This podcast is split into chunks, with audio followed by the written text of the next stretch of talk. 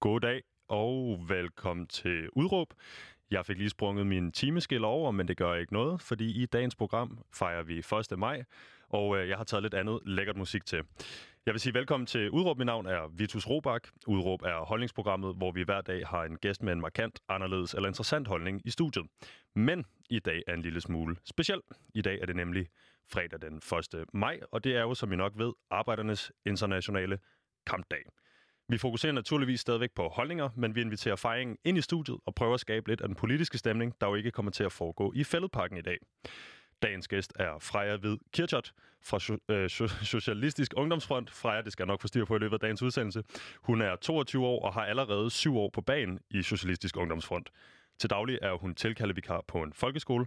Velkommen til, Freja. Tusind tak. Freja, i dag skal vi selvfølgelig snakke om Arbejdernes Internationale Kampdag. Vi skal snakke arbejdsmarkedspolitik, så skal vi høre lidt om jeres guide til 1. maj. Og så har jeg planlagt en runde, hvor vi for alvor kan få alle ungdomspartierne til venstre for midten på banen, når vi hører dem om solidaritet, unges vilkår og septemberforledet, øh, som man kunne kalde arbejdsmarkedets grundlov. Øh, nu er det jo 1. maj, og øh, med mig i studiet er jo så heldig at have en vaskeægte socialist. Freja, hvordan ser dit drømmesamfund ud? Vaskeægte socialist, simpelthen. Mit drømmesamfund, det er et samfund, der er markant anderledes end den verden, vi lever i i dag. Det er et samfund, hvor at lighed er helt essentielt. I dag øh, er der de otte rigeste mennesker øh, på jorden. De ejer mere end halvdelen af jordens befolkning til sammen. Og det synes jeg er en fuldstændig vild ulighed, som ikke er retfærdig, og som vi simpelthen bliver nødt til at gøre op med. Så er det også et samfund i økologisk balance. Jeg tror, det er åbenlyst for enhver, at vi lige nu er i gang med at smadre vores jordklode. At vi bliver nødt til at omlægge vores produktion, sådan at det ikke handler om øh, at producere for, at der er en lille bitte gruppe, der kan tjene enorme mængder penge, men sådan at vi producerer på en måde, hvor vores klode og vores natur kan følge med. Fedt, Freja. Inden vi for alvor sådan øh, kaster os over det, så vil jeg godt lige spørge i dagens anledning. Hvad er dit bedste 1. maj minde? Ja, der er mange.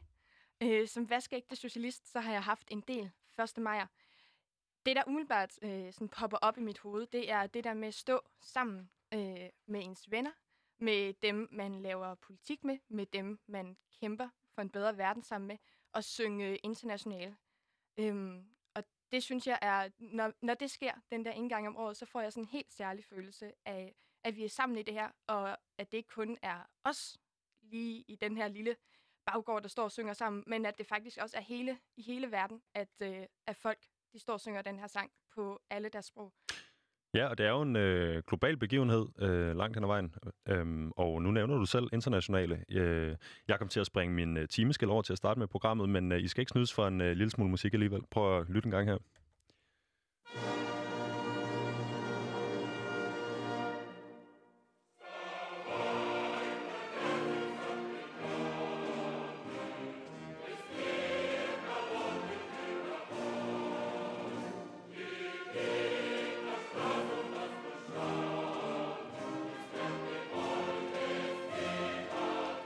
Ja, Når man øh, ikke kan få Louds øh, timeskiller, så kan man i hvert fald få øh, internationale. En øh, sang, der jo øh, har enormt meget med den her dag at gøre, og det første, man tænker, når man hører den, det er jo som regel 1. maj og Arbejdernes Internationale Kampdag.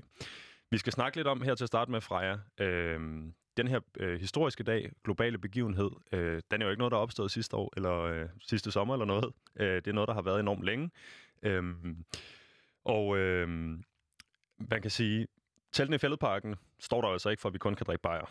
Øh, dagen har et tema, og det tema bliver altså ikke kun fejret i Danmark, men det bliver fejret rigtig mange steder i verden. Danskerne har fejret kampdag siden 1890, og derfor øh, er det en fejringsdag med mange traditioner. Dagen byder normalt på sang, den byder på taler og debat, og talerne handler som regel om demokratiet og vigtigheden af fagforeninger i arbejderbevægelsen og forbedring af arbejdsmiljøet. Nu er det øh, 130 år siden, øh, og der er stadigvæk i socialismen. Overfor mig står en kvinde, der med egne ord er en brændende socialist. Øhm, Freja, jeg, vil godt tænke dig, eller tænke, jeg kunne godt tænke mig at høre her til at starte med. Øh, hvad vil det sige at være ung socialist i 2020? Helt grundlæggende, så vil det sige at tro på, at vi simpelthen kan få en bedre verden. Øhm, at det ikke kan være rigtigt, at vi står over for et klimakollaps, og vi ikke kan gøre noget ved det. At det ikke kan være rigtigt, at når jeg går hjem fra byen øh, om natten, at jeg så skal være bange for at gå på gaden. Øhm, og det ikke kan være rigtigt, at den... Øh, nu brugte jeg øh, noget tid på at spare nogle penge op sidste år, og brugte et halvt år på at spare 40.000 op. Og det er der mennesker, der tjener i løbet af en dag. Øhm, så det handler simpelthen om at sige, at vi kan skabe noget bedre, og vi har en verden at vinde, og tro på det, og være villig og prøve at arbejde for det, øhm, og organisere sig sammen med andre. Ja. Tror du, øh, jeg skal sige, det tema eller den dagsorden, er det meget anderledes fra, hvad vi så for de her 130 år siden, da bevægelsen øh, for alvor øh, stadfæstede sig i Danmark? Ikke sær- særlig meget. Øh, jeg synes, det er jo mange af de samme ting, vi kæmper for. Dengang så hed sloganet øh, 8 timers arbejde, 8 timers øh, hvile øh, og 8 timers frihed. Øh, eller fritid hedder det. Og hvis man for eksempel ser på sådan en ting som kampen for en 30 timers arbejdsuge i dag, så er det jo i virkeligheden den samme kamp, vi kæmper. Øh, det handler om retten til, at vi skal lave andet end at gå på arbejde. Det handler om øh, også for eksempel i forhold til, til klima, øh, at vi simpelthen bliver nødt til at producere mindre, og det er derfor helt oplagt at se på, øh, se på arbejdstid i den sammenhæng. Så grundlæggende set er det jo den samme kamp, vi kæmper, og man kan sige, at vi er kommet rigtig langt siden dengang. Øhm, og vi har heldigvis fået tilkæmpet os rigtig mange rettigheder, men vi bliver jo nødt til at, at blive ved med at kæmpe for mere. Øh, det er ikke noget, vi kommer sovende til, den her bedre verden. Hørt. Øh, nu nævner du selv det her med 8 timers arbejde, 8 timers fritid og 8 timers hvile. Det var jo øh, et gammelt slogan, og det kommer vi tilbage til. Jeg glæder mig til det. Øh, men du nævner også det her med solidaritet. Øh, og øh, i Socialistisk Ungdomsfront, der tænker jeg, at det er en af, af nøgleordene. Er det rigtigt forstået? Det er det i hvert fald. Hvor stor skal den her solidaritet så spille, når man bygger et samfund op og kigger fremad? Solidaritet er jo en helt grundlæggende, øh, grundlæggende øh, princip. Øh, for mig så handler solidaritet simpelthen om, at man ser ud over sin egen næsetip. Det handler om øh, at sige, at selvom at jeg ikke nødvendigvis bliver ramt af de samme ting, som du gør, så er jeg stadig villig til at, øh, at prøve at kæmpe for at forbedre verden. Øh, jeg er villig til at stå skulder ved skulder, for at bruge et, øh, et godt klassisk slogan. Øhm, fordi at det nytter ikke noget, at jeg bare kæmper for, at min verden bliver bedre. Så, øh, så når vi aldrig nogen steder hen. Vi bliver simpelthen vi bliver nødt til at stå sammen. Øh, og det er jo det, solidaritet handler om. Så det er helt, en helt afgørende øh, måde at arbejde på. Ja. I øhm, kalder jo jer selv revolutionære øh, socialister. Øhm, men så siger I, øh, altså hvis man, det er, hvis man kunne øh, læse jeres partiprogram, eller gå på hjemmesiden og prøve at uddanne sig selv om, hvem sufferne er. Øhm, men så siger I, at det er noget, der skal organiseres. Tænker du, at vi skal organisere os til en bedre fremtid, eller skal vi revolutionere os til en bedre fremtid? Revolution handler jo grundlæggende set om at lave samfundet om. Øhm, det handler om at lave et radikalt andet, andet samfund, end det vi ser i dag.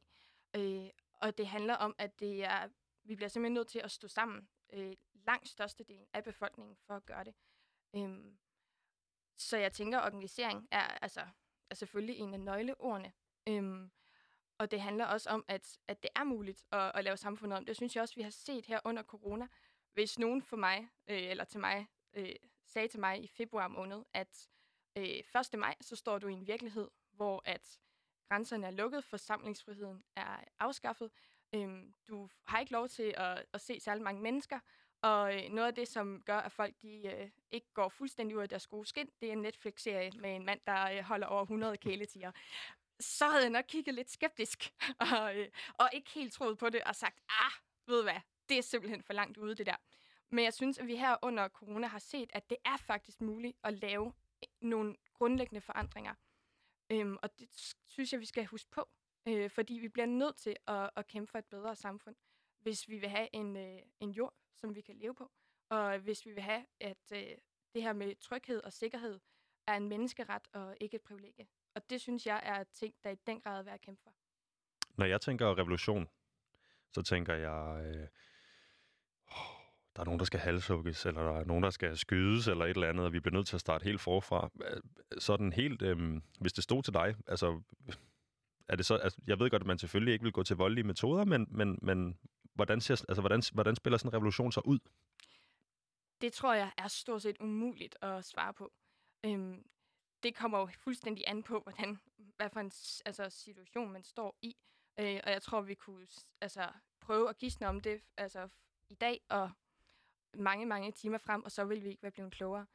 Øhm, grunden til, at jeg er, er socialist, og grunden til, at vi i SUF også kan holde os revolutionære socialister, det handler om, at fundamentet for det samfund, vi har i dag, det er, at der er en lille bitte kerne, der tjener enorme mængder penge på andre menneskers arbejde. Øhm, en lille bitte kerne, der har enorme ressourcer, enorme privilegier, øh, mens langt størstedelen af befolkningen øh, bliver holdt uden for festen. Det er det, vi gerne vil gøre op med, og det er derfor, at, øh, at vi kalder os revolutionære.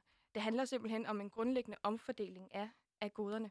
Øhm, hvordan det kommer til at foregå, det synes jeg ikke, der er nogen, nogen pointe i at, at gisne om, fordi det der er ingen af os, der kan vide. Hvis nu man, øh, altså jeg kunne, jeg står over på den her side af bordet, øh, og ham, der gerne vil have svarene på spørgsmål, så jeg tænker, øh, er, det, er det formålsløst og, og opildende til revolution, hvis ikke man har en konkret plan, eller er det, er det måske meget fint bare at, at tænke tanken for at prøve at tænke i et, i et idealistisk fremtidsscenarie? Det handler om, at vi bliver nødt til at stå sammen. Øh, og det er også noget af det, vi, altså, du spurgte ind til før, det her med, med organisering. Øh, at vi bliver simpelthen vi bliver nødt til at stå sammen som øh, folk, der for eksempel nu arbejder på hospitaler, arbejder på, på skoler. Øh, vi bliver, altså offentlige arbejdere eller sådan, bliver nødt til at stå sammen og kræve bedre arbejdsforhold, ligesom folk i det private arbejdsmarked gør det. Øh, det handler om, at folk, der kæmper for øh, et bedre klima, øh, bliver nødt til at, at stå sammen og prøve at organisere sig. Øh, og prøve i stedet for, hvad kan jeg gøre som individ, og så gå sammen med andre mennesker og sige, hvad kan vi gøre? Øh, jeg tror, det er sådan, at man kommer, at man kommer frem, og det er sådan, man laver forandringer. Øhm, også hvis vi ser historisk på det, øhm, i forhold til, øhm, hvordan kvinder fik stemmeret for eksempel. Det var jo også, da de gik sammen og, og ligesom organiserede sig. Øhm, så det, jeg synes ikke, det er altså, hovedformålet for mig. Det er det her med at stå sammen og organisere sig sammen. Det er sådan, jeg tror, at vi forandrer verden til det bedre. Så må det da være meget rart at bo i Danmark. Det tænker jeg, vi er gode til. Både med kvinderettigheder og alt muligt andet som forgangsland. Danmark er helt klart et, øh, et rigtig godt land at bo i, sammenlignet med, med andre lande.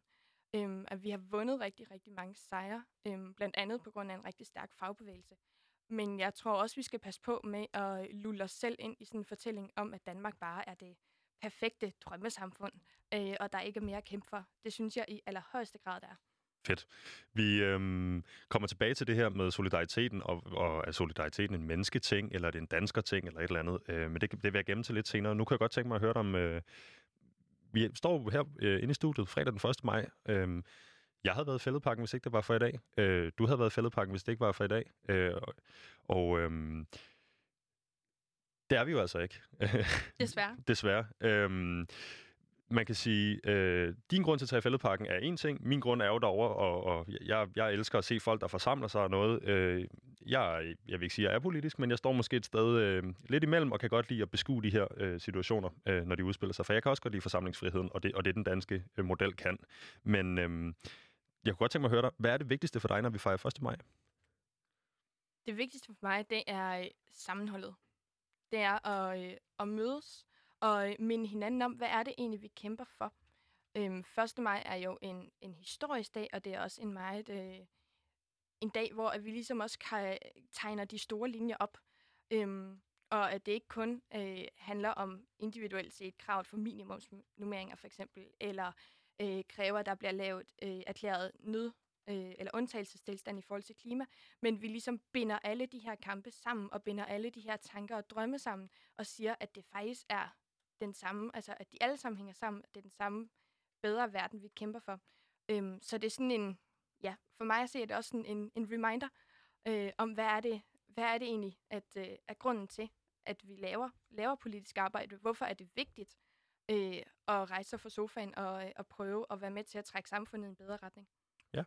Øhm, så nu svarer du lidt på det, det, det, det her med det, vigtigheden af at, at, at diskutere, vigtigheden af at debattere, vigtigheden af at, at sætte øh, fokus på det. Øh, jeg ved, det er noget, du sikkert sætter fokus på året rundt, men det er også noget med at hive sådan nogen, som jeg siger før, sådan nogen som mig ind i den her debat, øh, som står jeg læner lidt til begge sider, eller måske ikke rigtig har taget stilling, men så kan komme over og få nogle, øh, nogle, nogle fede samtaler med nogle, øh, nogle fremmede danskere om, øh, om, om, hvad det er, de kæmper for. Ikke? Øhm, hvad tænker du, det betyder for, øh, for demokrati, fagforening og arbejdsmiljø, at vi ikke øh, får muligheden for at snakke om de her emner netop i år, når nu øh, coronakrisen haver? Jeg synes, der er rigtig meget at snakke om her under coronakrisen. Og jeg synes, at coronakrisen har udstillet mange af de uligheder, vi i forvejen har i samfundet. Nu øh, arbejder jeg selv for eksempel på en øh, 0-timers kontrakt. Jeg er tilkaldt vikar på en skole. Øhm, da Danmark lukkede ned, så stod jeg uden nogen former for sikkerhed, uden nogen indkomst, øh, og havde ingen anelse om, hvornår jeg ville få det igen. Øhm, og samtidig så øh, er kontanthjælpen også blevet forringet i løbet af de seneste år, hvilket betyder, at øh, den kontanthjælp, jeg havde adgang til, dækkede ikke engang min husleje. Øhm, og det har corona sat fokus på. Det har corona udstillet, og jeg har snakket med rigtig mange af mine kollegaer, rigtig mange andre unge mennesker, jeg kender, der også arbejder på de her 0-timers kontrakter, øh, som lige pludselig har fået sådan et wake-up call med, Gud, hvor er det egentlig ikke i orden, og hvad er det egentlig en usikker øh, situation, vi står i. Og jeg tror, at selvom vi ikke kan samles fysisk, så kan vi stadig snakke om de her ting. Øhm, det kan være alt fra altså online arrangementer, online møder. Øh, det kan være til, at man kan for eksempel stadig godt øh, hvad hedder det, gå ud på gaden og sætte plakater op. Øh. Det kommer vi til, tænker ja. jeg. Har, jeg har sat noget tid til, at vi kan snakke med jeres guide, og det er nogle af de ting, der står i guiden. Men jeg tænker, det du siger her er meget interessant. Øhm, coronakrisen har måske i virkeligheden testet nogle af de her systemer, vi tager for givet, om det så er 0-timers kontrakter eller øh, dagpengesystemet. Øhm, er, er der noget andet, vi ligesom, eller kan man måske i virkeligheden sige, at, at, at, at krisen har været en, en stresstester, øh, og, og nu er det anledning til at gå ud og ændre på nogle af de ting, der er blevet øh, testet på den anden side af, altså når krisen på et eller andet tidspunkt er overstået? Jeg synes helt klart, at coronakrisen har vist os øh, vigtigheden af at have et stærkt socialt sikkerhedsnet, og vigtigheden af at have et velbemandet og øh, velfinansieret sundhedsvæsen. Og det er helt klart nogle af de ting, som vi skal kæmpe for lige nu, og som øh, coronakrisen har vist os. Øhm, jeg er også, øh, udover at være aktiv i SUF, så er jeg også aktiv i et initiativ, der hedder Corona Knibe, øhm, der ligesom handler om at prøve at øh, sætte fokus på de her corona-uligheder. Øhm, og sætte fokus på, at hvis vi ikke havde haft massive nedskæringer på vores sundhedsvæsen, så havde sygeplejerskerne og lærerne måske ikke behøvet at løbe så hurtigt i dag. Øhm, hvis vi ikke havde haft nedskæringer på kontanthjælp, på dagpenge, så havde vi måske et stærkere socialt sikkerhedsnet, der kunne gribe folk, nu hvor at der, øh, man fra den ene dag til den anden mister sit arbejde og sin indkomst. Men skal man planlægge øh, ud efter et år med krise, når nu det er gået godt i mange år forinden? Altså med så drastiske tiltag? Øhm, jeg synes helt klart, at altså, det er gået, vi har været i økonomisk opsving øh, de seneste år. Det er der ingen, ingen tvivl om. Øhm, men i det økonomiske opsving, så har jeg også svært, på, svært ved at se, hvordan er goderne er blevet fordelt mere ligeligt nødvendigvis. Øhm, lige nu er der folk, der står og klapper af sundhedspersonale hver eneste dag på altanerne, men deres, det er jo ikke fordi, at de har fået en øh, særlig stor lønopgang øh, her de seneste år.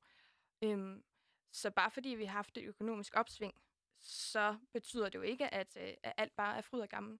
Øhm, og jeg synes, at en krise som coronakrisen netop er en rigtig god anledning øh, til at gøre noget ved det, fordi der altså, bliver sat ekstra fokus på det. Det bliver lige pludselig udstillet, hvor nødvendigt det er at, øh, at have et godt, veludrustet sundhedspersonale. Ja. Øhm, så du tænker, det er ikke... Øh, min betragtning af, at det måske er gået meget godt de forgangne år, deler du ikke helt nødvendigvis, når det kommer til sådan noget som solidaritet for eksempel. Er det rigtigt forstået? Øh, ja, ja, altså, jeg vil, jamen, altså det der med, at det er gået godt, der har været økonomisk opsving, men altså... Men du der, tænker, der, du, vi kunne godt have været bedre til at fordele goderne, for eksempel? Vi kunne sagtens have været bedre til at fordele goderne, og også i forhold til klimakrisen for eksempel, kunne vi have gjort meget mere, øh, end vi har. Øhm, så jeg synes helt klart, at der er massiv plads til forbedring, for at sige det mildt. Okay. Nu nævner du selv før den her, øhm, nogle af de tiltag, nogle af de ting, man kunne gøre på sådan en dag som i dag, hvor vi lukkede ind på øh, 1. maj. Øhm, I jo som øh, det eneste ungdomspolitiske parti til venstre for den politiske midte, øh, har I været ude i rigtig god tid og formuleret en guide til 1. maj på jeres hjemmeside. De her guides er jo ikke noget øh, nyt for jer, det er noget, I, I laver. Jeg, der var også en til 8. marts, tror jeg. Øh, det var noget Øh, Øh, en guide til et andet projekt selvfølgelig, men øhm, i, i dagens tilfælde en guide til 1. maj. Øh, den guide, de har lagt op, byder på tre konkrete karantæneaktioner, øh, som man kan foretage sig, når nu demonstrationerne og arrangementerne, der plejer at foregå i fældeparken, er aflyst. Øh, I opfordrer til tre konkrete ting. Distanceret faneborg, så opfordrer øh, I til at rive fascismen i stykker, og til sidst til at skrive eller dele et indineret indlæg på Facebook. Jeg tænker, at vi skal gå igennem guiden. Øhm, men før vi kommer der til, så vil jeg selvfølgelig lige høre, hvordan en øh, normal 1. maj øh, ser ud for dig. Altså når du altså ikke har brug for en guide, men bare kan gå, øh, gå ud og gøre, hvad du har lyst til. En normal 1. maj øh, er en rigtig, rigtig hyggelig dag for mig. Øh, den starter som regel med, at man mødes med sine venner og sine kammerater, dem man laver politik sammen med til morgenmad. Øh, synger sange og spiser rundstykker og hører taler. så mødes man øh, til... Jeg plejer at være på Blågårds Plads, og så er der også taler og hygge på Blågårds Plads, og så går man ligesom i fælles optog til, til fælledparken. Øhm, så altså, det er en, en dag, hvor man starter for morgenstunden og er, bliver mindet om, hvad er det egentlig, vi kæmper for, bliver øh, ser sine venner i øjnene og siger, at vi er kommet langt, og vi kan komme endnu længere, og det er muligt. Øh, og så selvfølgelig også en, altså, ja, det tror jeg ikke er nogen hemmelighed for nogen, en meget hyggelig og social dag, hvor man drikker nogle øl og griner øh, med sine venner, og ligesom, ja, ser lidt tilbage på, hvad har vi egentlig lavet det sidste år. Men du nævner alligevel ølene til sidst. Det er ikke øh, det, er ikke det der er i hovedfokus. Jeg tror, det vil være øh, meget, meget en kæmpe stor fed løgn, hvis jeg sagde, at øl selvfølgelig også altså, er en del af 1. maj. Øh, altså, det er en kampdag, men vi fejrer jo også de sejre, vi har opnået. Det er der, ingen, det er der ikke nogen hemmelighed om. Nå, Bare lad os høre øhm, de tre punkter. Distanceret Faneborg, rive fascismen i stykker og øhm, dele den i ned indlæg på Facebook. Vi starter med distanceret Faneborg. Øh, hvordan laver man en distanceret Faneborg? Ja, det er også et godt spørgsmål. Normalt er Faneborg jo det her med, at man øh, hvad hedder det, går i optog, og så har øh, fagforeninger øh, alle deres røde faner med. Øh, og så ja, øh, går man ligesom hen mod fældeparken, den her kæmpe store menneskemængde, øh, og ja, øh, dækker, maler byen rød, på, øh, for at sige det lidt kægt. Vi kan ikke male byen rød i en stor menneskemængde, men øh, mange af os har vinduer og altaner, øh, som vi kan benytte. Øh, jeg har her til morgen hængt et banner op for min altan, øh, hvor der står Luk Moria-lejren, øh, som er en kæmpe stor flygtningelejr, Europas største. Så det handler simpelthen om, at selvom at vi bliver nødt til at blive hjemme, så betyder det ikke, at vi, øh, vi skal være stille. Vi kan stadig godt råbe højt. Øh, og ja, brug altanen, brug vinduet. Øh, så er det også en god øh, anledning til at peppe huset lidt op. Hvorfor er det vigtigt, tænker du? Det er vigtigt, fordi at det handler om at øh, skabe synlighed. Det handler om at, øh, netop det her med, at selvom at vi er, er forholdsvis isoleret nu, øh, i hvert fald fysisk, øh, så bliver vi simpelthen nødt til at, at råbe højt. Øhm, og det kan jo være sådan noget som, at når, når der går en familie forbi under altanen, så kan de se et budskab, som de måske ikke lige havde tænkt på. Øhm, det kan være, at, øh, ja, at vi ligesom gør det synligt over for hinanden, at vi er mange, der, der kæmper den samme kamp. Øhm, det handler, ja, Mal, Malby Rød er faktisk i virkeligheden et, øh, en, en fin måde at sige det på. Det ja. handler om at tage, tage plads og, og vise, øhm, hvad vi mener. Ja, jeg hørte dig sige, øh, så øh, er I under den normale faneborg mange, der øh, kæmper den samme kamp. Men hvis nu du har Lok Moria-lejren på din altan, og nogle andre har styrke øh, fagforeningerne eller et eller andet, bliver det så ikke en, en fragmenteret faneborg øh, uden fokus? Der er øh, selvfølgelig rigtig, rigtig mange forskellige budskaber, man kan lave. Men det, jeg synes er så fantastisk smukt ved 1. maj, det er også, at det er jo arbejdernes internationale kampdag. Øhm, så for mig at se, så øh, altså sådan et krav som er øh, højere løn til sygeplejersker, øh, og luk mod af lejren, øh, og øh, hvad hedder det, øh, løslade folk, der sidder i asyl, øh, udrejsecentre for eksempel, er jo i virkeligheden for mig at se en del af den samme kamp. Øhm, altså, det er arbejdernes internationale kampdag. Øh, sygeplejersker er i virkeligheden lige så meget arbejdere som de folk, der, øh, der sidder indespærret i, øh, i Ellebæk. Så jeg synes overhovedet ikke, det er modstridende, og jeg synes, jo flere facetter, øh, flere budskaber, vi kan få frem, jo stærkere bliver det. Ja. Til sidst i guiden øh, under øh, titlen Distanceret Faneborg, så skriver I, øh, som du selv har gjort, hæng ting op på altaner, hæng ting op i vinduer, og så skriver I noget meget sjovt. Øh, hvis man bor med højreorienterede forældre, så kan man jo begå oprør ved at hænge ting op i deres vinduer. Øh, hvor vigtigt er øh, oprøret på 1. maj? 1. maj og oprør hænger jo øh, uløseligt sammen. Øhm, og øh, man kan sige, at ungdomsoprør er jo også noget af det, vi har set har øh, været med til at forandre den verden, øh, vi lever i. Øhm, ungdomsoprøret er noget af det, der gør, at jeg som ung kvinde i dag, for eksempel, også har mange flere rettigheder, end min bedstemor havde. Øh, at hvis jeg starter på universitetet til næste år, at så har jeg markant mere medindflydelse, end mine bedsteforældre vil have. Så oprør er en central del øh, er 1. maj, også selvfølgelig super, super vigtigt. Øhm, og det er også i forhold, nu nævnte jeg selv ølene før, øhm, men jeg synes tit, at der i medierne bliver malet et billede af, at det er alt, hvad det handler om. Øh, at det simpelthen bare er en stor drukfest. Og det synes jeg simpelthen er et, et misvisende billede, når vi for eksempel, øh, det kan jeg også huske, jeg selv var med til i 2012, øh, da Helle Thorning holdt 1. maj tale i Aarhus, og der stod hundredvis af offentlige ansatte af lærere øh, og vendte sure smiley'er op i luften, øh, for ligesom at vise, at det er simpelthen ikke i orden, at du forringer vores arbejdstid. Det synes jeg da i den grad er, er et oprør. Øhm, så jeg vil sige, at oprøret 1. maj er, hænger uløseligt sammen. Det går hånd i hånd. Det gør det, simpelthen. Når nu man ikke kan gå hånd i hånd under samlet faneborg. Øh, inden vi rykker videre til næste punkt på jeres dagsorden der, så nævner du selv det her med øhm, øh, Torning i 14, øh, eller Torning i 12, øh, den tale, og øh, det får mig til at tænke på øh, Mette Frederiksen, der jo er ude øh, den 18. februar og aflyse sin egen tale. Øh, lidt uheldigt for hende, så bliver den jo aflyst alligevel, øh, men øh, budskabet bag var, at der havde været nogle øh, optøjer omkring talen øh, sidste og forrige år, øh, og der i øvrigt er en historik for sure smiley'er mod øh, Torning, der var øh, tomater og maling på Nyåb, og øh, Måns Glistrup fik vist også øh, æg og maling en gang øh, for mange år siden.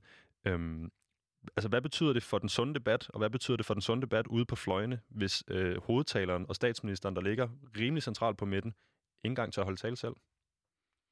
Jeg tror, man skal se de her øh, protester, når øh, Mette Frederiksen øh, holder tale, og når Helle Thor- da Helle Thorning holdt tale, som et udtryk for, at folk simpelthen er, øh, er sure, og de er sure af en god grund. Det er jo ikke fordi, at, vi, øh, at de her folk de siger, øh, vi kan ikke lide med det, vi synes heller dum, nu skal vi irritere hende. Det er fordi, at de har stået spidsen for, Socialdemokratiet har øh, stået spidsen for en politik, der har forringet øh, kontanthjælp, dagpenge, udhulet vores velfærdssystem, blandt andet vores sundhedsvæsen, som vi lige nu afhænger rigtig, rigtig meget af. De har været med til at forringe folks liv, og så kan jeg altså godt forstå, at folk de bliver sure. De bliver sure, når at de har færre penge til husleje og mad om måneden. De bliver sure, når de kan se, at deres børns fremtidsudsigter er værre end de fremtidsudsigter, de selv havde. Det er altså vel at mærke den første gang, at, at det er sket. Øhm, mine fremtidsmuligheder er dårligere end mine forældres fremtidsmuligheder, fordi at vi har haft nedskæring på nedskæring. Så er det et problem for, øh, for debatten. Det kan man godt argumentere for, men jeg synes simpelthen også, man bliver nødt til at forstå, at det ikke øh, altså, usiviliserede bøller. Det er folk, der har fået ødelagt rigtig meget af deres liv på grund af en politik, som Socialdemokratiet har været med til at føre. Og jeg synes, hvis man vil holde en tale på arbejdernes internationale kampdag, så bliver man også nødt til at føre en politik, der gavner arbejderne. Man kan ikke med den ene hånd gøre en hel masse mennesker fattigere, forringe deres levevilkår, og så på den anden side vil stå en dag om året og snakke solidaritet i Fælleparken. Så bliver jeg nødt til at spørge, hvis man på den ene side af, skal vi kalde det, sund oprørsskalaen, måske ikke sund oprørsskalaen, har øh, sure smiley'er øh, mod Torning. Det, det er jo ret harmløst langt hen ad vejen. Hun kan se, hvad I mener, men så vidt jeg husker, blev der ikke, øh, der blev budet lidt, men det var ikke noget, der ligesom afbrød hele talen. På den anden side har vi maling og æg, og vi har den slåskamp, der brød ud foran scenen, øh, da Mette Frederiksen holdt tale øh, forrige eller sidste år. Øhm, skal man ikke stadigvæk have en øh, respekt for talerne og respekt for statsministeren?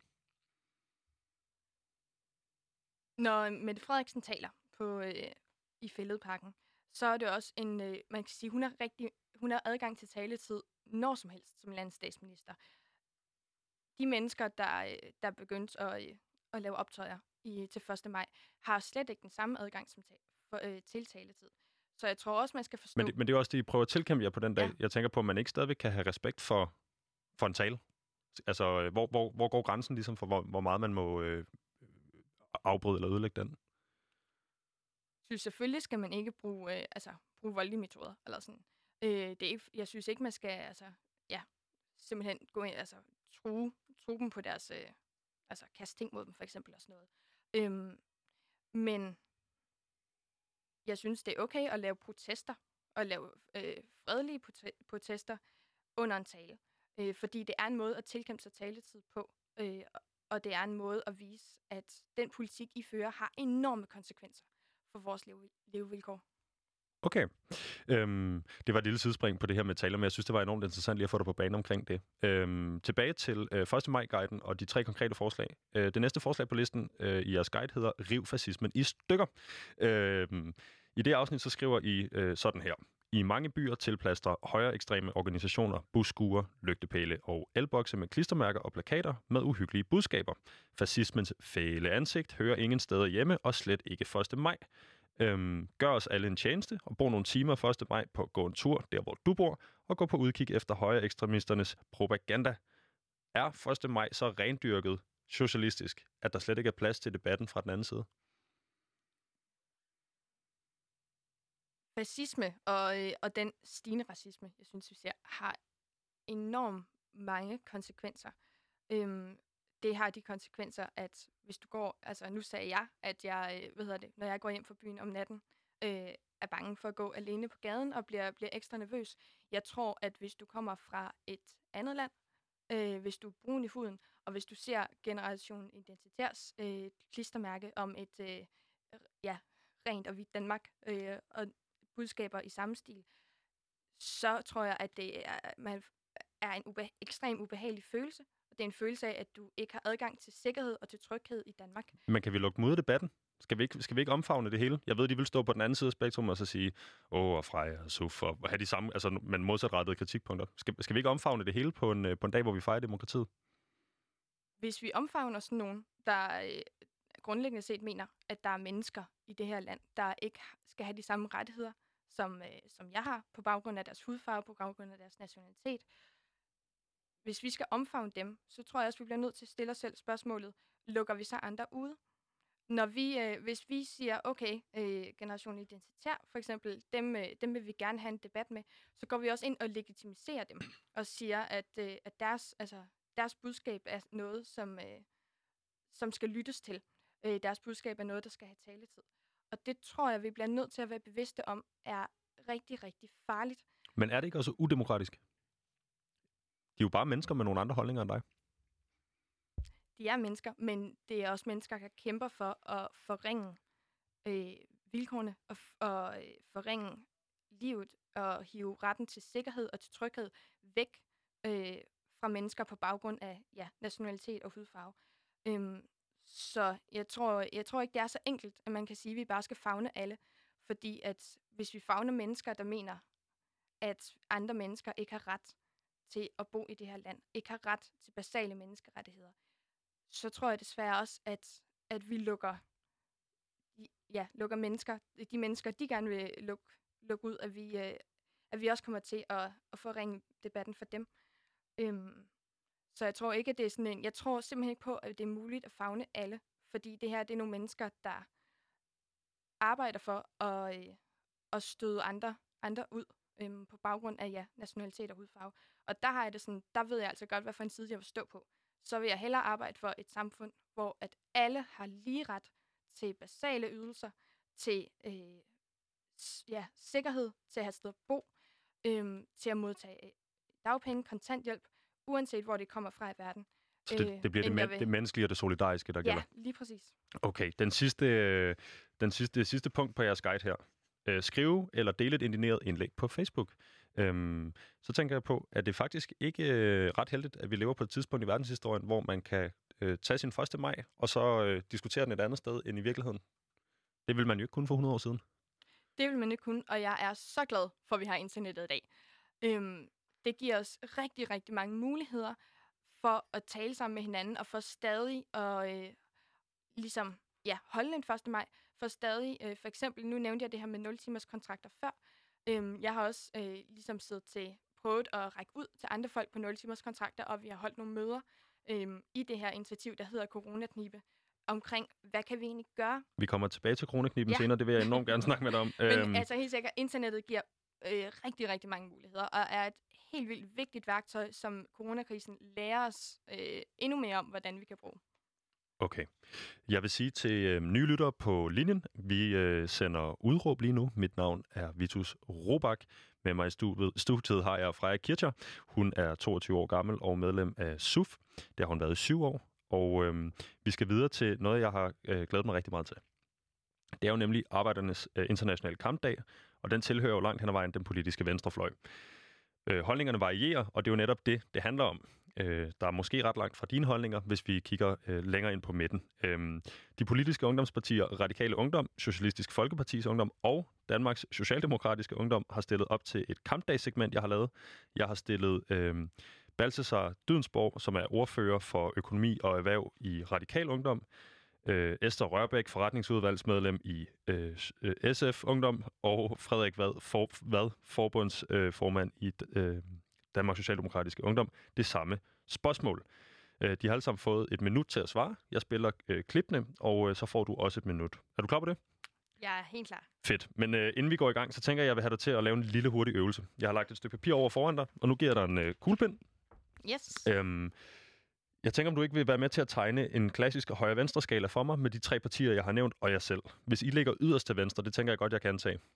Det er jeg helt enig med dig i. Hvem kommer så efter jer? Så vil jeg sige, at så er det helt klart uh, øh, SFU, der kommer efter os. Så vi har SF, eh, SUF, altså Socialistisk Ungdomsfront, yderst til venstre. Nu kommer Socialistisk Folkepartis Ungdom. Det gør det. Det er de samme bogstaver. Der er bare lige en anden kombination. Min tunge vender på hovedet fra, det kan jeg godt fortælle dig. Det er heller ikke nemt. Hvem kommer så? Så kommer øh, DSU, vil jeg sige. Så kommer øhm, DSU. Men hvis man forestiller sig linjen, så øh, vil jeg sige, at der er et ret stort mellemrum mellem øh, SFU og, og DSU. Øhm, så vi placerer dem markant længere Fra jeg skriver midten. DSU øh, ind mod midten af min pil, øh, eller over, mod, øh, over til højre mod min pil, så mangler vi radikal ungdom. Det gør vi. Øhm, dem vil jeg simpelthen tillade mig at placere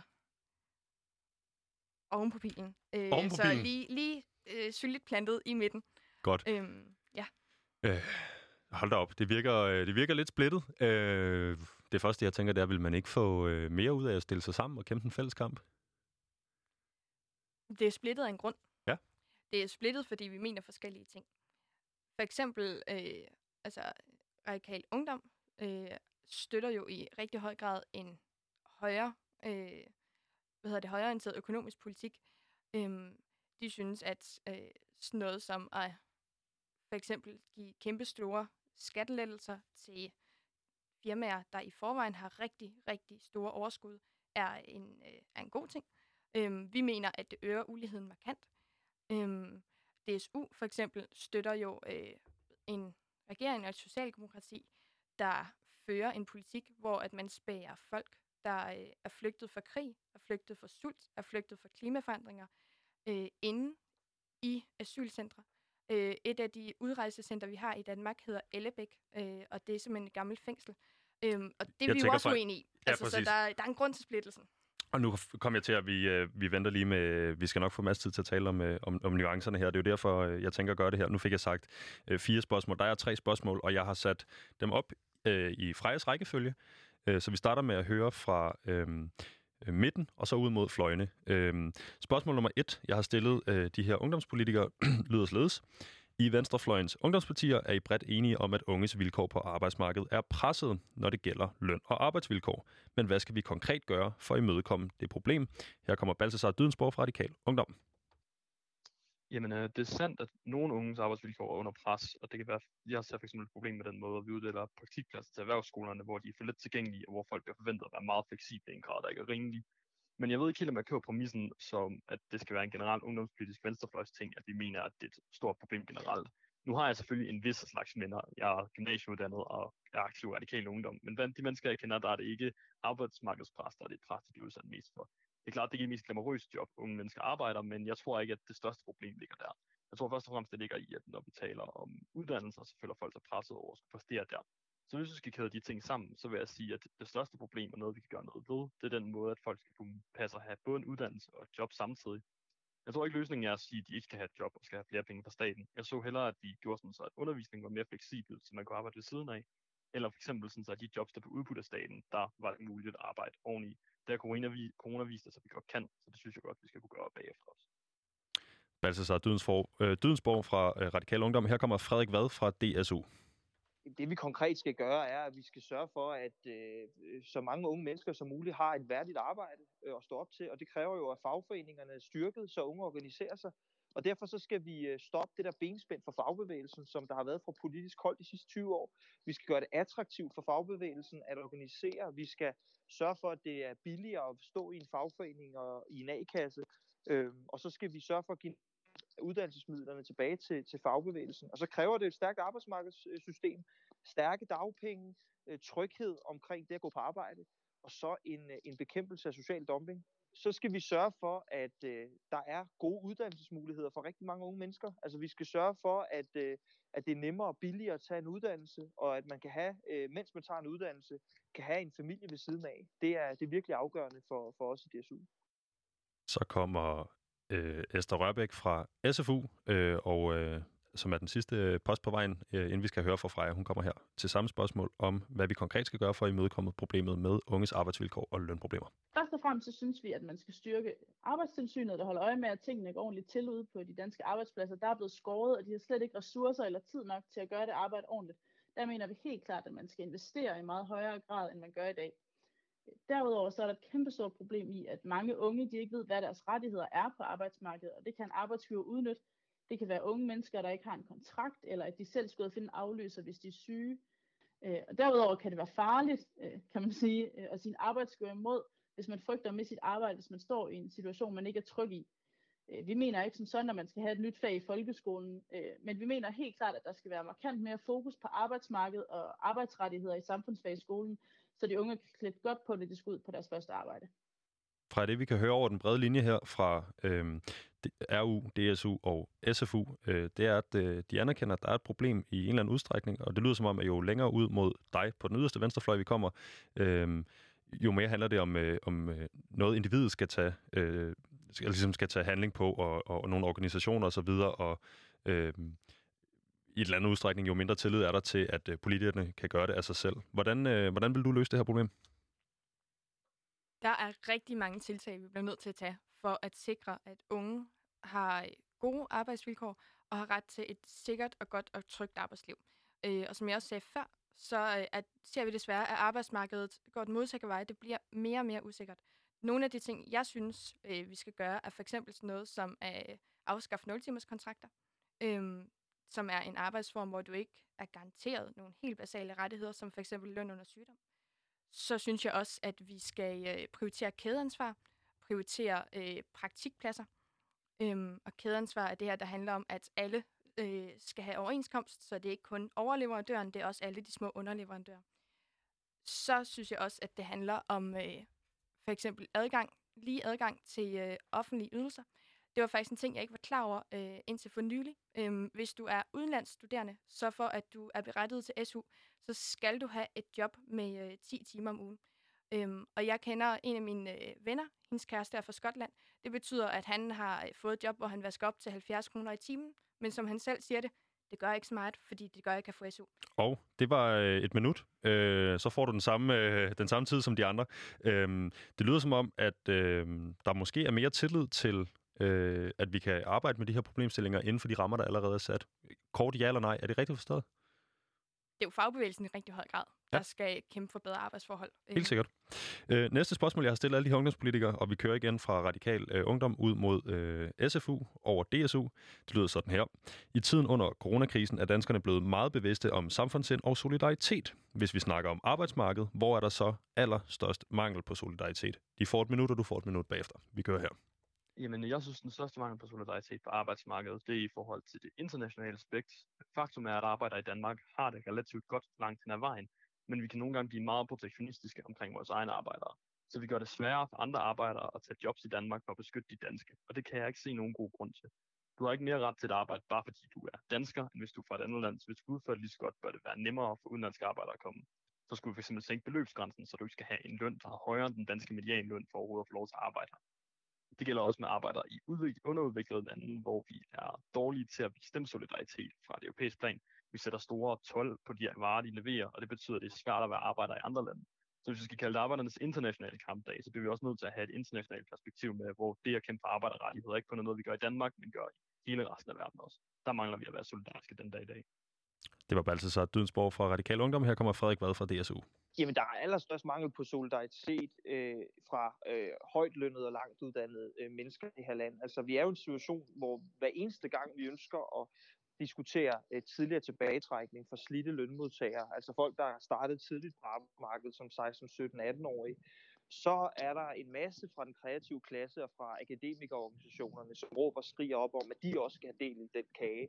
Når vi ønsker at styrke dagpengene, når vi ønsker at sætte ind mod social øh, dumping, så er der rigtig, rigtig mange af de højtlønnede og langtuddannede, som råber og skriger op om, at skatterne ikke må stige, og at nu skal vi også passe på med at gøre det attra- mindre attraktivt at, øh, at arbejde eller tiltrække arbejdskraft. Så der mangler solidaritet fra toppen mod bunden økonomisk i vores samfund, og det er vi simpelthen nødt til at gøre, gøre noget ved. Altså det, det dur ikke, at alle kæmper for deres egne særinteresser, og ikke øh, bruger tid på faktisk at, øh, at kæmpe for dem, der har mindst. Det var Frederik Bad fra DSU, og her til sidst øh, Esther Rørbæk fra SFU. Jeg synes, der er stor mangel på solidaritet i mange virksomheder i dag. Øh, der er stor forskel på en leder, som får et gyldent håndtryk, hvis han bliver fyret for at have gjort et dårligt stykke arbejde, og almindelige ansatte, der får en fyreseddel, måske endda fordi lederen har gjort et dårligt stykke arbejde. Der er, der er kæmpe stor forskel på, hvor meget toppen og bunden i hierarkiet tjener i virksomhed, og kriser i virksomheder virker til at ramme i bunden markant mere, end de gør i toppen.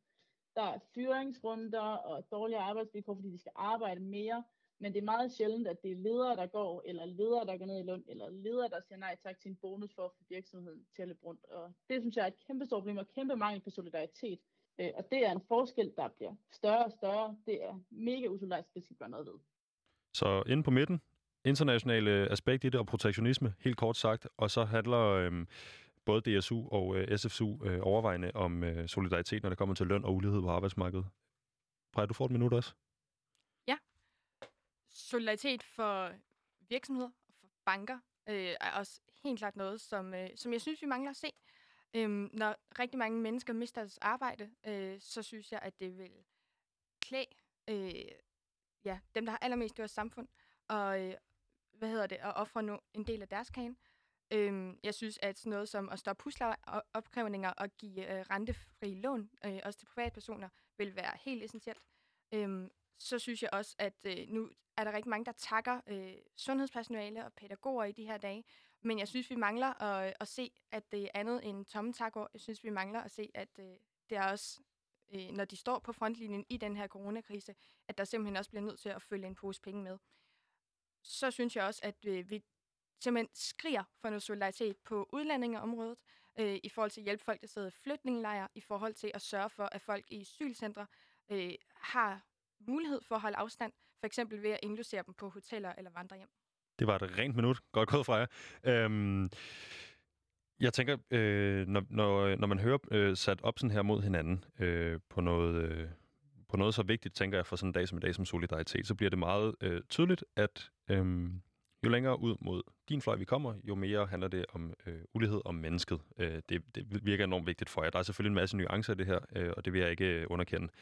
Øh, det jeg godt kunne tænke mig er, at vi måske lige springer den sidste spørgerunde over, fordi jeg kunne rigtig godt tænke mig at høre dig, og det har jeg jo også lovet dig, øh, om det her med øh, solidariteten og coronakniben. Øh, fordi under coronakrisen øh, har den påståede solidaritet lidt overlast. Altså det, vi snakkede om tidligere. Det kan være, at øh, systemet har fået en ret sund stresstest, øh, som den i virkeligheden havde brug for. Øh, det jeg umiddelbart selv har set under den her krise, det er, at det virker som om, at solidariteten ophører ved landegrænsen. Øhm, det, jeg altid har opfattet som værende et ord, der beskrev øh, et forhold mellem mennesker, øh, virker til at være et forhold mellem folk med dansk statsborgerpas, i hvert fald under den her krise. Hvor tænker du, solidariteten er blevet af? Øh, er vi lige så solidaritetiske, solidariske hedder det selvfølgelig, mellem øh, mennesker, som du kunne ønske dig? Når vi snakker solidaritet, så tror jeg, det er rigtig vigtigt at skelne mellem den solidaritet, der er mellem helt almindelige mennesker. Jeg synes, at øh, det er jo også solidaritet i sin grundforstand, når unge mennesker går ud og handler ind for gamle, for eksempel. Øhm, når vi taler om solidaritet på et statsniveau, så synes jeg helt klart godt, at øh, vi kunne trænge til mere, og specielt, som du også selv nævner, mere international solidaritet. Øhm, og hjælpe nogle af de sundhedssystemer i andre lande, der er ved at knække fuldstændig sammen nu. Øhm, jeg nævnte det tidligere, nu nævner jeg det, nu nævner jeg det igen, fordi jeg simpelthen synes, det er så vigtigt at tage vores ansvar i den flygtningekrise, vi står i, øh, og være med til at øh, tage flere flygtninge, og så at sørge for, at vi behandler dem ordentligt, og vi giver dem mulighed for at rent faktisk at øh, distancere sig selv og få at holde afstand. Hvad, hvad, hvad provokerer det i dig, når øh, grænserne bliver lukket? For det tænker jeg jo nærmest er det direkte modsatte af det, du ønsker. Grænselukninger er... Øh, altså den konkrete ja. grænselukning under krisen? Ja, selvfølgelig. Øhm, det er vigtigt, at vi prioriterer vores sundhed. Men øh, hvis man ser på, hvordan altså, coronasmitten kom til Danmark, så var det jo altså, danskere, der havde været på skiferie i Italien, der kom hjem og bragte den med. Så jeg synes, at grænselukningen, grænserne blev lukket ret hurtigt, før vi nødvendigvis havde evidens for, om det faktisk gjorde en forskel i forhold til, øh, hvor mange der blev smittet, og hvor meget smitte vi fik ind i landet. Så jeg må ærligt indrømme, at jeg var, jeg var lidt, lidt skeptisk, også fordi det er jo ikke nogen hemmelighed, at der er rigtig mange på den politiske højrefløj, der gerne så grænserne lukket. Ikke kun øh, her under corona, men permanent. Øhm, som jo er, altså, ja, og øh, fuldstændig forrygt og, og samle os om vores egen, i vores egen lille osteklokke og lukke verden ud, hvilket jeg mener, vi selvfølgelig ikke skal. Øhm, jeg er ikke sundhedsperson, så jeg skal ikke gå ind i, øh, Godt, i vurderingen det. af det der med, hvor meget, øh, hvor meget nytter det at lukke grænserne i forhold til, til coronasmitte. Øhm, men jeg synes, de blev lukket meget hurtigt, før vi havde helt klar evidens for, at det faktisk gjorde en forskel. Virker det som en undskyldning for bare at få lukket de grænser? Det er i hvert fald en... Øh, det skete meget hurtigt, som sagt. Øhm, og det kunne godt... Altså, jeg synes også, at vi rigtig tit, når vi har set øh, pressemøder, og når vi har hørt, øh, hvordan at øh, der bliver talt om den her krise, så bliver der talt rigtig meget om danskerne. Øh, og Danmark skal, skal stå sammen, og øh, altså, der er sådan en meget stærk nationalistisk tilgang. Og der kunne jeg i virkeligheden godt tænke mig, at, øh, at vi talte øh, ja, mere om mennesker, og vi også øh, ligesom kiggede ud over vores egne landegrænser, øh, og talte om, hvordan kan vi alle sammen stå sammen. Øh, fordi coronakrisen er jo ligeglad med landegrænser. Det, det er jo ikke nogen hemmelighed. Øhm, så derfor så synes jeg, at vi, øh, vi bliver nødt til at, at have en mere internationalistisk tilgang til den her krise. Jeg ved, hvis du kunne få lov at vælge, så fløj vi nogle fly ned til øh, det sydlige Grækenland og det sydlige Italien og det, noget andet, og bare hentede dem hjem. Men øh, virkeligheden er jo, at den måde, de kommer op igennem, altså flygtningene kommer op igennem Europa på, er jo ofte på en måde, hvor der kunne være ek, altså, helt ekstreme dårlige forhold for smittespredning osv. så videre. Så jeg vil gerne holde fast i det her. Tror du, det var en dårlig undskyldning, eller altså, for at lukke de her grænser? Øh, det er noget, man måske har ønsket længere, det vil jeg ikke komme ind på, men er det en dårlig undskyldning, eller er det, Øh, er det måske i virkeligheden meget sikkert, altså, når man står i en øh, global pandemi? Hvis vi gerne vil, altså, så var der jo ikke noget, der altså, forhindrede os i at, som du siger, sende nogle fly ned til Italien og Grækenland, hente en hel masse mennesker, der lever under kummerlige, forfærdelige forhold hertil, og så teste dem og øh, indlogere dem på f.eks. tomme hoteller eller vandrehjem, øh, så de kan være i isolation i to uger. Øh, det kunne vi sagtens, hvis der var politisk vilje til det. Øhm, jeg synes simpelthen, det er altså for at sige det livet er noget pis, at man kan øh, for eksempel gøre noget så radikalt som at afskaffe forsamlingsfriheden over natten. Men at altså, det der med at for eksempel hjælpe folk, der er flygtet fra krig og sult og klimaforandringer, er noget, der er, åbenbart er helt umuligt. Det er et politisk valg. Øh, det er et spørgsmål om prioriteringer. Og ja, der vil jeg og SUF jo altså gerne prioritere helt anderledes, end vi gør i dag. Tænker, hvad skulle man have gjort i stedet for? Skulle man bare have ventet til, der var evidens for at lukke grænserne, øh, uden at vi skal komme ind på, hvorvidt det var det, men eller fordi alle de andre lande har ligesom også lukket grænserne nærmest på nær Sverige. Hvad, øh, skulle vi stå alene med den beslutning, ligesom svenskerne, eller hvad skulle man have gjort? I forhold til grænselukning, så er der jo også forskel på at lukke grænserne for turister, for eksempel, øhm, og så på at, at tage et internationalt ansvar i flygtningekrisen. Man kan jo sagtens lukke grænserne for øh, folk, der havde tænkt, de skulle have en weekendtur til København, det er dejligt at have en weekendtur til København, men øh, jeg vil trods alt ikke gå så langt til at sige, at det er, er en eller anden universel menneskeret øh, at gå ned ad Nyhavn. Øhm, der kunne man jo sagtens have, have lukket, altså der synes jeg i virkeligheden, det kan være fint at, at lukke grænserne. Øhm, men som sagt, hvis vi virkelig vil det, hvis vi prioriterer det politisk, så er der ikke noget vejen for, at vi kan hjælpe de mange tusindvis af mennesker, der lige nu sidder flygtningelejre rundt omkring. Øhm, det er et politisk valg. Jeg hører dig. Øh, vi er faktisk øh, ved at være noget næsten til vejs ind. Jeg kunne godt tænke mig at høre dig kort her til sidst. Øh, samfundssind, et, ikke et nyt ord, men et, et ord, vi alle sammen har øh, lært at kende nu og har haft i munden herinde for de sidste par måneder. Hvad er forskellen i dit sind, øh, undskyld, for dig på samfundssind selvfølgelig og solidaritet? Ja, der er rigtig... Jeg sad faktisk og tænkte over det øh, længe i går, fordi at der er jo rigtig mange fællesnævner. Det handler om at se ud over sin egen næsetip. Det handler om at stå sammen, også med folk, du nødvendigvis ikke kender der, hvor at jeg synes, at øh, der nogle gange kan være en forskel, det er, at solidaritet, det handler om, at øh, man ligesom står sammen af grupper af mennesker, øh, der ikke er, er i toppen af samfundet, der ikke øh, har øh, svømmer i privilegier og penge, står sammen. Mens at samfundssind, Det, øh, jeg kan fx også huske, at for eksempel SOSU'er, der er blevet bedt om at varetage nogle helt andre arbejdsopgaver her under coronakrisen, er blevet bedt om at udvise samfundssind øh, og varetage de her opgaver uden tillæg. Øhm, så hvem, man, hvem beder man om at udvise samfundssind, og hvem definerer, hvad samfundssind er, er spørgsmål, vi skal stille os selv. Freja, jeg vil sige tusind tak, fordi du kom i dag. Dagens program var produceret af Park Productions, og produceren var Thor Arnbjørn.